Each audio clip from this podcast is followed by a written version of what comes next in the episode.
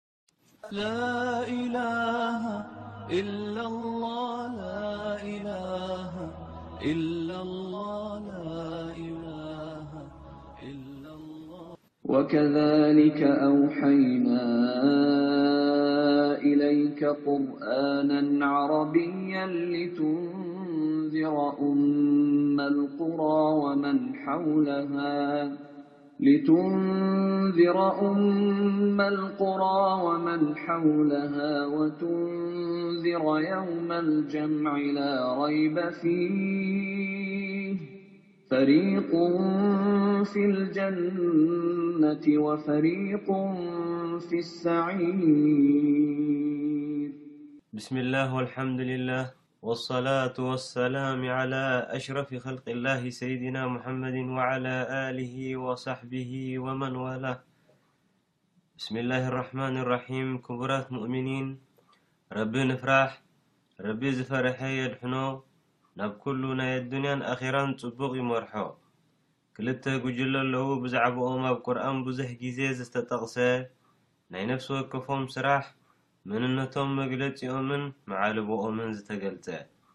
ረቢ ሱብሓነሁ ወተዓላ ንደቂ ሰባት ናብ ክልተ ጉጅለ ከፊልዎም። እቶም ሓደ ጉጅለ ንቕኑዕ ጎደና ዝመረሖም፣ ንሂዳያ ዝወፈቖም ልቦም ንእስልምና ዝኸፈተሎም ንዕኡ ክግዝኡ ድማ ዝሓገዞም እዮም። እቶም ሓደ ጉጅለ ከኣ ብምሕንጋዶም ጥፍኣት ዝተገበኦም፣ የዒንቶም ይዕሩ፣ ህውተታ መሪጾም መንገዲ ዝሰሓቱን ልቦም ዝተደፍኑን እዮም። ፈሪቀን ሀዳ ወፈሪቀን ሐቀ ዐለይሂም ዶላላ። ረቢ ስብሓነሁ ወተዓላ ነብያት ልኢኹ። ናብ ኢማንን ናብ ሓቅን ዝጽውዑ፣ ካብ ክሕደትን ኩፍርን ጥፍኣትን ኣብያን ዘጠንቅቑ መልእኽተኛታት ሰዲዱ። ህዝቦም ናብ ክልተ ጉጅለ ተመቕሉ። ኣላሁ ዓዘ ወጀል ኣብ ቁርኣን ክገልጾም እንከሎ፣ ወለቐድ በዓስና ፊ ኩሊ ኡመትን ረሱላ ኣን እዕቡዱላህ ወጅተኒቡ ጣጉት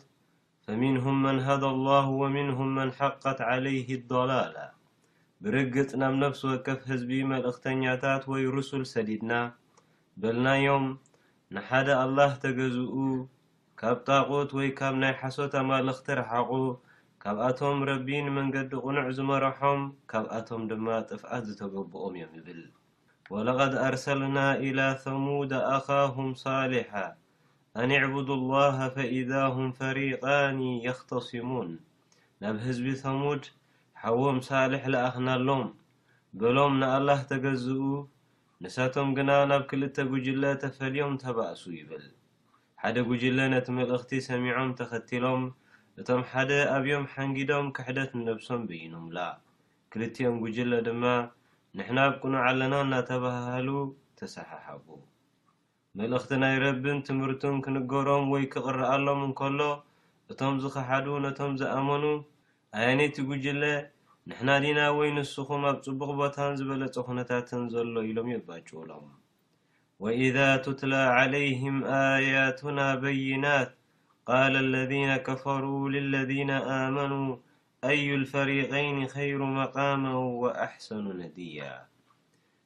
እዞም ሰባት ንናይ ኣዱንያ ርኽበት፣ ሃብትን ቦታን ከም መምዘኒ ወሲዶም ነቶም ዝኣመኑ የነኣእስዎም።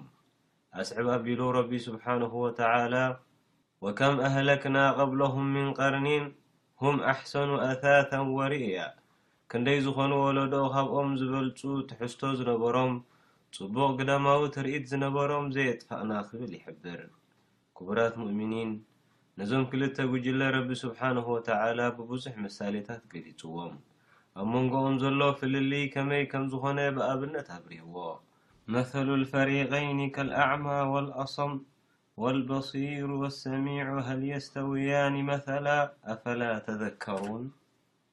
ተምሳል ናይዞም ክልተ ጉጅለ፣ ልክዕ ከምቲ የዒንቱ ዝዓወረን የእዛኑ ዝጸመመን፣ ከምቲ ዝርእይን ዝሰምዕን እዩ። እዚኦምዶ ይመሳሰሉ? ቅሩብዶ ልቢ ኣይትገብሩን ይብል።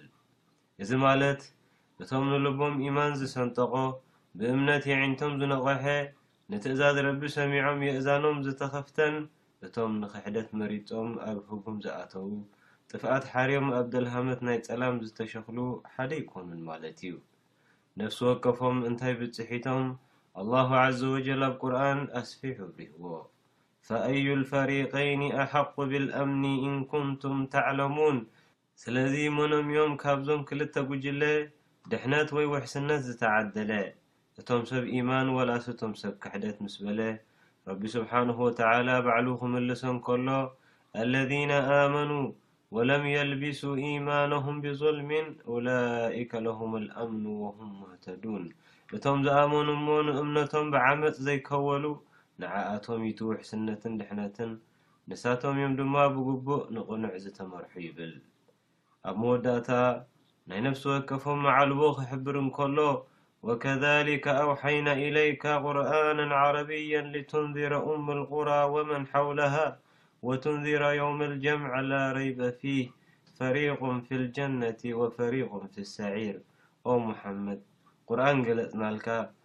ብዛዕባ እታ ጥርጥር ዘይብላ መዓልቲ ኸተጠንቅቖም፣ ጕጅለ ንጀና እቶም ካልኦት ጕጅለ ድማ ንጀሃነም ዝኣትዉላ መዓልቲ በሎም።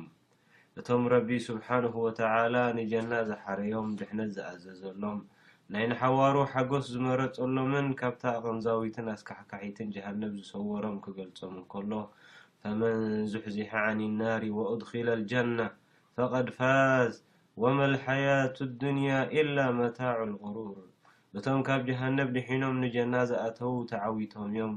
ህይወት ናይዛ ዓለም እኳ ብጀካ ዘደናግር ሓጎስ ወይ ባህታ እንታይ ኣለዋ ይብል። እቶም ሓደ ድማ ካብኣቶም ረቢ የድሕነና ኣብ ሓዊ ጀሃነብ ኣብ ርእሲ ርእሲ ተጸፍጺፎም ንሓዋሩኡ ይበልዩ ንመቕጻዕቲ ተፈሪዶም ዓዛብ ይከሓሱ። ክቡራት የሕዋተይ ብጀካ እዘን ክልተ ካልእ መዓልቦ የልቦን። እዛ ንነብረላ ዓለምና ናይ ፈተነ መድረኽን ናይ ቅድድም ሜዳን እያሞ፣ ዝኣመኑን ዝኸሓዱን ዝፍተኑላን ዝወዳደሩላን። ስለዚ ነፍሲ ወከፍና ረቢ ክንፈርሕ፣ ንነብስና ተቓሊስና ናብቶም ዝደሓኑ ዝሓዘት መርከብ ክንስቀል፣ ናብቶም ናብ ረቦም ኣማእዚኖም ጉዕዞኦም ናብ ጀና ዝሓረዩ ጉጅለ ክንጽንበር፣ ካብ ናይቶም ዝኸሓዱን ዝጠፍኡን ደድሕሪ ድሌታቶም ዝሃውተቱ ንመልእኽቲ ናይ ኣላህ ተሓሲሞም ጥፍኣት ዝመረጹ፣ እናረኣዩ ዝዕዕሩ እናሰምዑ ዝጸመሙ፣ ንፈጣሪኦም ኣላህ ዓዘወጀል ገዲፎም ንወዲ ሰብ ዘምለኹ፣ ንፈጣሪ ገዲፎም ንፍጡር ብኸንቱ ዝተገዝኡ ከነድሕና ይግበኣና። ኣብ መወዳእታ ጻውዒት ናይ ኣላህ ዓዘወጀል ኣብ ቁርኣን እዚ እዩ። ወኣነ ሃዛ ሲራጢ ሙስተቂመን ፈተቢዑህ